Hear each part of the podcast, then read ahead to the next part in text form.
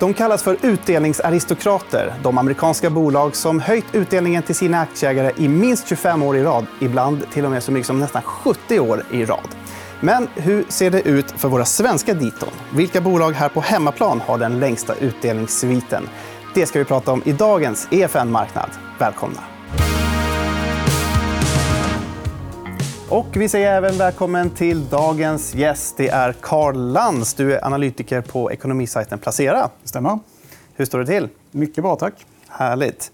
Du, idag ska vi alltså prata om både svenska och amerikanska bolag som har en väldigt fin utdelningshistorik. Eh, det är alltså bolag som antingen har behållit eller höjt eh, aktieutdelningen i många år i följd. Hur populära skulle du säga att såna här utdelningshöjare är? Jag skulle säga att i, i Sverige har de blivit allt mer populära under de senaste två decennierna ungefär. Medan man i Nordamerika har eh, haft den här eh, investeringsstrategin i kanske sedan början av 1900-talet någon gång har den funnits. Och särskilt sen Benjamin Graham då, eh, kom med sina, sin bok i utdelningsinvestering. Mm. Så att det har funnits väldigt länge som fenomen. Om vi bara backar ett steg lite mer generellt. Vad är egentligen fördelarna och nackdelarna med att ha utdelningar? Alltså det är ett eh, ganska enkelt sätt att se att ett företag tjänar pengar. Eh, att de då klarar av att dela ut pengar till sina aktieägare. Eh, så att om man är nybörjare på börsen så är det ett väldigt lätt sätt att komma in i börstänket. kan man säga. Mm. Så att, en, en väldigt, väldigt stark och bra nybörjarstrategi. Ja. Eh, de längsta utdelningssviterna de hittar vi i USA. Eh, och vi ska återkomma till dem lite senare i programmet. Men eh, först så tänkte jag att vi kan börja med att titta på en topplista för Sverige. För Sveriges del. Och här ser vi då alltså de svenska bolag som eh, har delat ut pengar till sina aktieägare under längst tid i följd. Vad säger du om den här listan? Ja, men det man kan säga här är väl att det visar väl att svenska bolag generellt inte har några speciellt långa utdelningstrender. Och man kan säga att de bolagen som är med på den här listan är en väldigt brokig skara. Mm. Och, eh, du ser att det är... Alltså det bolag som har delat ut längst har delat ut sedan 1984. Då. Det finns inget annat bolag sedan, sedan 1980-talet. Eh, Nej. Så väldigt många följer ifrån då på 90-talskrisen till exempel. Mm. Och sen ser du att några har följt med. Eh, sen har du en ny krasch eh, vid, vid millennieskiftet ungefär. Eh, och sen är det då några som har följt med sen eh, senaste finanskrisen 2008-2009 eh, obrutet. Vad är det för branscher här vi pratar om? Det... Alltså det är ju verkstad. Eh, det är en del fastighetsbolag. Eh, du har eh, någon serieförvärvare, Assa Abloy till exempel. Konsultbolag, Sweco. Nibe har vuxit på en väldigt stark miljötrend. Mm. ABB, verkstad igen. Intrum, Axfood, livsmedel. Mm. Så det är lite blandat. Sådär. Det är väldigt blandat ja. kan man säga. Och I topp då så hittar vi Atlas Copco, som du sa, industribolaget eh, då som har ökat eller haft eh, oförändrad ordinarie aktieutdelning sedan 1984. Det är 39 år. Mm. Eh, och, eh, vi kan titta på aktiekursen även för det bolaget sedan millennieskiftet. Och då att man inte har sänkt den ordinarie utdelningen sedan början av 80-talet. Hur starkt skulle du säga att det är med tanke på att det ändå är ett ganska konjunkturkänsligt bolag? Ja, alltså det är ju oerhört starkt eh, med tanke på, på vilka, vilka nischer det är. Men, men, man brukar också säga att Atlas Copco är ju det finaste fina inom svensk verkstad. Så det här är liksom ypperst stark kvalitet. Mm. Eh, och det visar ju verkligen det här, den här trenden då, att de har lyckats behålla utdelningen eh, genom alla kriser sedan 1984. Ja. Och att man också gett extrautdelningar vissa år, men även höjt den ordinarie utdelningen. Eh, precis. Eh, precis. De är ju konjunkturkänsliga. Då, så på det sättet ser du konjunkturkänsligheten i det. Att vissa år kan de då dela ut extra mycket. Mm. Samtidigt får man tänka att det här bolaget har funnits sedan 1873. grundades av eh, André Oskar Wallenberg. Och, och det är ändå först... Och det har liksom vuxit genom massa tillväxtförvärv. Till exempel Copco, är ett belgiskt bolag som man förvärvade på 1940-talet. Men det är ändå först från 1984 som man då har börjat anamma den här obrutna utdelningstrenden. Mm. Så det är över 100 år innan. Just det. Vi kan eh, kika på ett annat bolag på listan, nämligen värmepumpbolaget Nibe som eh, aldrig har sänkt sin utdelning sedan 1998. Det är en utdelningssvit på 24 år. Eh, vad säger du om det bolaget? Jo, men det är en, det är en fantastisk framgångshistoria för Sverige kan man säga och för Småland, Markaryd inte minst. Mm. Det här är ett familjebolag som grundades 1949 av Nils Bernerup, därav namnet Nibe. Mm. Eh, och eh, man började 1981 tillverka värmepumpar. Sen såldes, det var ett familjeföretag ända fram till dess. Sen såldes det då eh, och en stor del köptes då av Gert-Erik Lindqvist 1989. Och det är han som fortfarande är vd för bolaget. Noterades 1997 på börsen och sen dess har uppgången varit 45 000 på aktien. Eh, så att, och, nu har vi ett börsvärde på någonstans runt 250 miljarder kronor. Då. Så det är en av de riktiga bjässarna och en, en oerhört eh, framgångsrikt bygge eh, för, för, för, företagsbygge i Sverige. Mm. Mycket imponerande. Och det är fortsatt då... Ja, de spås ju fortsatt en väldigt fin framtid det här med den gröna omställningen i Europa. Just det. Du, vi ska gå vidare och titta på en till lista. Det är nämligen eh, den över svenska bolag som höjt sin utdelning flest antal år i rad. Här ser vi den. Vad ja. säger du? Ja, men det är också en väldigt brokig lista. Och hade du frågat mig så här, vilket bolag som har höjt utdelningen flest år i rad i Sverige så skulle jag aldrig ha trott att det var eh, Vitek då, som höjt 21 år i rad. Nej. Eh, det är alltså ett programvarubolag? Ett programvarubolag från Umeå. grundades av två forskarstudenter 1985.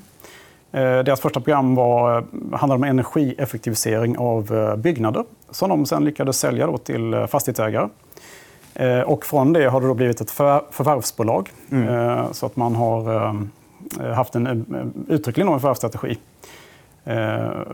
Och lyckats också då höja utdelningen varje år. Gjort så pass framgångsrika förvärv. Så att de har så kallat de, de arbetar väldigt mycket med repetitiva eh, intäkter. Då, att man, prenumerationstjänster. Då, mm. Men eh, när du hör ordet utdelningar, är Vitec någon du tänker på? Då? Absolut inte. Jag skulle aldrig ha tänkt på det här faktiskt, om jag inte hade kollat upp det nu. Nej. Nej. Vad ligger de på för direktavkastning eh, numera? Ungefär? Eh, jag tror att den är väldigt låg mm. med, med tanke på att det är ju i första hand tillväxtbolag. Då, det här. Mm. Eh, så att, eh, inte alls det man, man förväntar sig egentligen att se. Tvåa på den här listan det är fastighetsbolaget Vilborgs. De har höjt utdelningen varje år sedan 2006. Det är 17 år i rad av höjda utdelningar. Ja, det är ju en avknoppning från eh, Fabege. Då. Mm. Eh, av 2005 eh, och sen från 2006 precis har de höjt utdelningen. Eh, när det gäller just fastighetsbolag då, så eh, det handlar om att de har en väldigt stark balansräkning. Eh, och jag såg att de har nu senaste eh, bokslutet så, så visar de fortsatt upp att de har lyckats eh, höja intäkterna. Och de har ju sysslat med energieffektivisering här. Men jag tror lite grann att här kommer elddopet för fastighetsbolagen. För om du tittar på såna här riktigt långa listor i Nordamerika, som vi kommer till lite senare här, så hittar du inga fastighetsbolag på den listan. Och du ser också att fastighetsbolagen har en tendens att, falla ifrån då vid såna här ordentliga kriser. Som eventuellt, jag tror att om de klarar det här innevarande året och klarar att höja då nästa vår, så att säga, då kanske de måste eh, mm. komma igenom där. Just det. För många fastighetsbolag har ju fått det tuffare nu när Riksbanken har höjt räntan. Ja. Eh, bolagen får högre kostnader samtidigt som det är färre då som... Ja, intresset för att köpa fastigheter minskar. Exakt. Um, så är, vi, vi har ändå Wihlborgs, men även Sagax och byggbolaget JM fanns ju också på den här listan. Ja, eh, JM är lite intressant. De har ju då lyckats sälja... Eh, de byggde ju ett nytt huvudkontor eh, till sig själva egentligen, men som sen Fortifikationsverket köpte. Vilket gör att de har en väldigt stark balansräkning nu. Eh, trots att de då egentligen säljer väldigt lite nyproduktion, eller extremt lite nyproduktion just nu. Mm. Så vi får se hur länge de, de klarar att hålla sig kvar här. Men det är ju väldigt imponerande. Det är ju sen finanskrisen. Då. Men tror du att de här fastighetsbolagen kommer kunna fortsätta höja utdelningen? Då? Nej, jag tror att de, eh, min, min eh, spontana eh, tro är väl att eh, det här kommer inte hålla om du tar ytterligare 10 år framåt eller 20 år framåt. Nej. Nej. Och vi pratade om direktavkastningen också för de här bolagen. Jag såg till exempel Nibe delade ju då endast ut 0,5% i direktavkastning. Det är ju ganska låga Ja. Och det handlar mycket om att man ser ju inte på Nibe som en utdelningsaktie i första hand. utan Det här är ju ett tillväxtbolag. Eh, så att det finns väl eh, förmodligen ingen som köper bolaget eh, för att, de är, att du får en stabil utdelning i det. Nej. Men om ett bolag ändå förväntas ha en väldigt lång fortsatt utdelningstrend, hur kan det påverka aktiekursen och sen även då direktavkastningen? Ja, det kan absolut göra att direktavkastningen blir lägre om man ser att det är väldigt stabilt och säkert.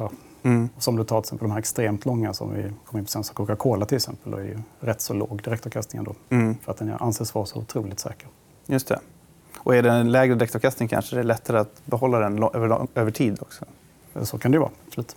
Eh, Och många av eh, bolagen sköt ju upp utdelningen under coronakrisens första vår 2020. Eh, men de genomförde ändå ut, utdelningarna där under hösten. Eh, vilket då gör att de har behållit utdelningssviten. Var det klokt att, att pausa där eh, och avvakta så här i efterhand? Ja, Även om de hade riskerat att bryta sin utdelningssvit? Ja, det är det absolut. Det måste man väl ändå säga. att eh, när det handlar om, Du vet, visste inte alls vad som skulle hända då när pandemin slog till. Så att, eh, det var ju bättre att, att ta det beslutet och, och vara försiktig med utdelning. Mm. För att det, är ju, det är ju bättre att, att ta av eh, utdelningen än att behöva göra nyemission sen. Så att. Men hur viktigt är det att bibehålla den här utdelningssviten för de här bolagen? Tycker du? Alltså I USA är det ju otroligt viktigt. Särskilt om du har de här extremt långa utdelningstrenderna. Då. Så vi hade ju till exempel Exxon eh, Mobile. Då, som, eh, vi hade ju negativt oljepris eh, 2020 då, eh, när pandemin slog till. Och det var väldigt, väldigt nära att de behövde ställa in utdelningen det året. Mm. Men de klarade sig med nöd och näppe kan man säga. Mm. Um, men det är den här sviten då som är Ja, viktig, där- att, att de får uppmärksamhet för det? Är det det som är grejen? Ja, eller? det är väldigt många som då, då handlar efter det. Och det finns index som är byggda på det här. Och, och det där vill du inte trilla ur då. Nej, i synnerhet inte om man kanske hållit på eh, väldigt, väldigt många år, decennier. Liksom. Ja, där handlar det om 1800-talet då, eh, som man började dela ut. Mm, just det. Men vi kan väl gå vidare och in då på eh, USA. Där pratar man ju om så kallade utdelningsaristokrater då, som brukar beskrivas som ett företag som ingår i indexet S&P 500 och som har ökat sin utdelning under minst 25 år i rad. Eh, och inget svenskt bolag har ju i dagsläget höjt utdelningarna 25 år på raken. Eh, närmast kommer väl kanske då Vitec med sina 21 år, så det är fyra år kvar där. Eh, så vad tycker du? Kan man verkligen prata om svenska utdelningsaristokrater? Eh, nej, det kan man inte göra. Vi, Än. vi, det var väldigt nära att vi skulle ha kunnat kalla Castellum en utdelningsaristokrat. Just det. Men de ställde ju precis in utdelningen. Hur länge hade de hållit på? 24 år. Så Ja, att, det- eh, i år hade det varit den 25 gången. Så nu hade de blivit adlats, adlats så att säga, men det, Ja. det är inget. Mm. Ja, vi får se om Vitec håller i. Då. Du, vi ska titta på en topplista över de amerikanska bolag som höjt sin utdelning flest år i rad. Men här ser man ju att det- handlar mycket om, eh, eh det handlar om företag som säljer produkter som människor inte kan avstå i princip.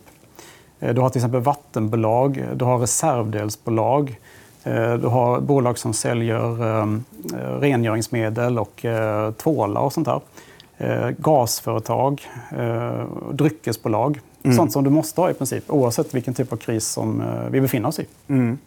Men alla de här bolagen, hur, hur har de lyckats höja utdelningen varje år? Ja, men till exempel de här, eh, de här konsumentvarubolagen då, de, de juster, kan varje år justera för inflation plus att det är någonting som människor alltid behöver köpa. Liksom. Så att det handlar ju om att det alltid finns ett behov för de här produkterna. Ja, det är det. Konsumentdrivet. Liksom. Ja. Ja. Och eh, sen har du lokala monopol som vattenbolagen då, till exempel. Som alltid kan höja lite grann Mm. eh, avgiften gentemot kund. Och det finns alltid ett behov för det. Och mindre kon- konjunkturkänsligt. Inte alls eh, konjunkturkänsligt. Nej. Vi ska även titta på en topplista över de amerikanska bolag som delat ut längst tid. Här ser vi den. Vad säger du om den? Ja, men det är ju eh, intressant att här har du ju vattenbolag, du har kanadensiska banker, du har eh, industribolag, oljebolag. Eh, du har återigen de här konsumentvarubolagen. Mm. Eh, och sen eh, i topp då så har du ju eh, ett vattenbolag som heter York Water Mm. som har sitt säte i staden York i Pennsylvania. Som då har delat ut sedan 1816 eh, varje år. Och det grundades då av de lokala köpmännen i staden som dels ville ha vattenförsörjning såklart, men också då brandskydd. Man har haft problem med mycket bränder. Eh, om vi tittar på listan igen. Då, vad, något annat bolag som du skulle vilja zooma in lite på? Eh, ja, men eh, man skulle ju till exempel kunna prata om Exxon Mobil som är då eh, en del av det som var Standard Oil som var absolut dominerande då i USA på 1800-talet. Jag tror i slutet på början av år 1900 ägde man 90% av världens raffinaderikapacitet och en tredjedel av alla världens oljekällor. De var ju så mäktiga så att man sen eh, splittade upp bolaget eh, i nästan 30 olika bolag. Aha, alltså från regeringshåll? Eller? Från regeringshåll, Ja. precis. Eh, Antitrust-håll. Mm. Och sen har då Exxon Mobil konsoliderat den marknaden igen kan man säga. Så man har konsoliderat ihop de här bitarna. Inte alla då, men, men många av dem. Mm. Så att det är där de har sina rötter. Mm. Men är en låg direktavkastning liksom en förutsättning för att kunna dela ut så här pass länge? Eh, nej, det är helt beroende av aktiekursen står. Du ser till exempel de här kanadensiska bankerna där. Eh, där tycker man då att risken är högre helt enkelt. Det är därför deras eh, direktavkastning är relativt hög. Typ. Ja. Så det handlar om risken i aktien. Då. Mm. Eh, så att, eh, till exempel York Water det har ju bara 1,7% direktavkastning just nu. Och det anses ju vara i princip helt säker, den utdelningen. utdelningen. Mm. Mm. Men hur har de här bolagen klarat alla finansiella kriser och sånt som har skett under de senaste 200 åren? Ja, det, det är imponerande att, att det har gått överhuvudtaget. Men, eh, men det visar ju på att de helt enkelt behövs, deras tjänster behövs och är så pass viktiga då för konsumenterna. Eh, och de är så pass dominerande på sina marknader så att de har pricing power också. Eller eh, pris, makt, att sätta pris själva helt enkelt. Mm. Eh, det är mycket det det handlar om. Just det. Och, och det är där jag tänker att det hamnar ut. Du ser inga fastighetsbolag på den här listan. Till exempel. Så att jag är tveksam till om de kommer att kunna hänga med så pass länge. Ja, de är för känsliga för, för räntehöjningar och sådär. Du, om man som småsparare då försöker göra kloka val till sin aktieportfölj är det någon idé att lägga fokus på såna här typer av eh, listor? Ja, men det tycker jag absolut man ska göra. Eh, man ska, man ska botanisera bland de här bolagen. Sen kan man ju inte säkert att eh, alla bolag passar alla. så att säga. Men om du kollar på de här bolagen som har delat ut extremt länge så är det absolut nåt man, man kan titta på. Särskilt om de har lyckats höja utdelningen också. Du hade ju Coca-Cola exempel och Procter Gamble och de här bolagen. Mm. Det är inte nog med att de har delat ut väldigt länge från början. så att säga. De har också höjt utdelningen väldigt många gånger. Och särskilt de bolagen som har lyckats höja utdelningen väldigt många gånger, de så kallade ultramaraton-utdelningshöjarna. Eh, som lyckats höja utdelningen mer än 50 år i rad. Mm. Eh, där tycker jag absolut att man ska kika om man, eh, om man är intresserad av utdelningsinvestering. Ja. Däremot tycker jag det är lite svårt att, att dra slutsats på de svenska bolagen utifrån, det, utifrån hur de har ut, höjt utdelningen hittills. Det är mm. lite för kort historik egentligen. Och vill man ha en... Med undantag av Atlas Copco kanske. Då. Ja, just det. Och vill man ha en obruten svit så ska man, inte, ska man hålla sig undan fastighetsbolag då, lite grann, om man ser till historik? Jag skulle personligen se det som eh, en viss risk i det. Att eh, du ska inte, kanske inte räkna med att alltid få eh, utdelning från fastighetsbolag utan du kanske till och med ska vara beredd på att vara med på en nyemission då, om du är väldigt lång investerare. Så. Just det. Ja, spännande. Det får bli slutorden i dagens program här om utdelningsbolag med lång historik. Karl Lantz, stort tack för att du ville komma hit och prata om det idag. Tusen tack för att du var här. Du har lyssnat på EFN Marknad, en podd som produceras av EFN Ekonomikanalen. Du hittar programmet även i videoformat på Youtube och på efn.se. Kom ihåg att prenumerera på podden och följ oss gärna på Instagram för fler aktietips. Där heter vi EFN Aktiekoll. Ansvarig utgivare är Anna Fagerström.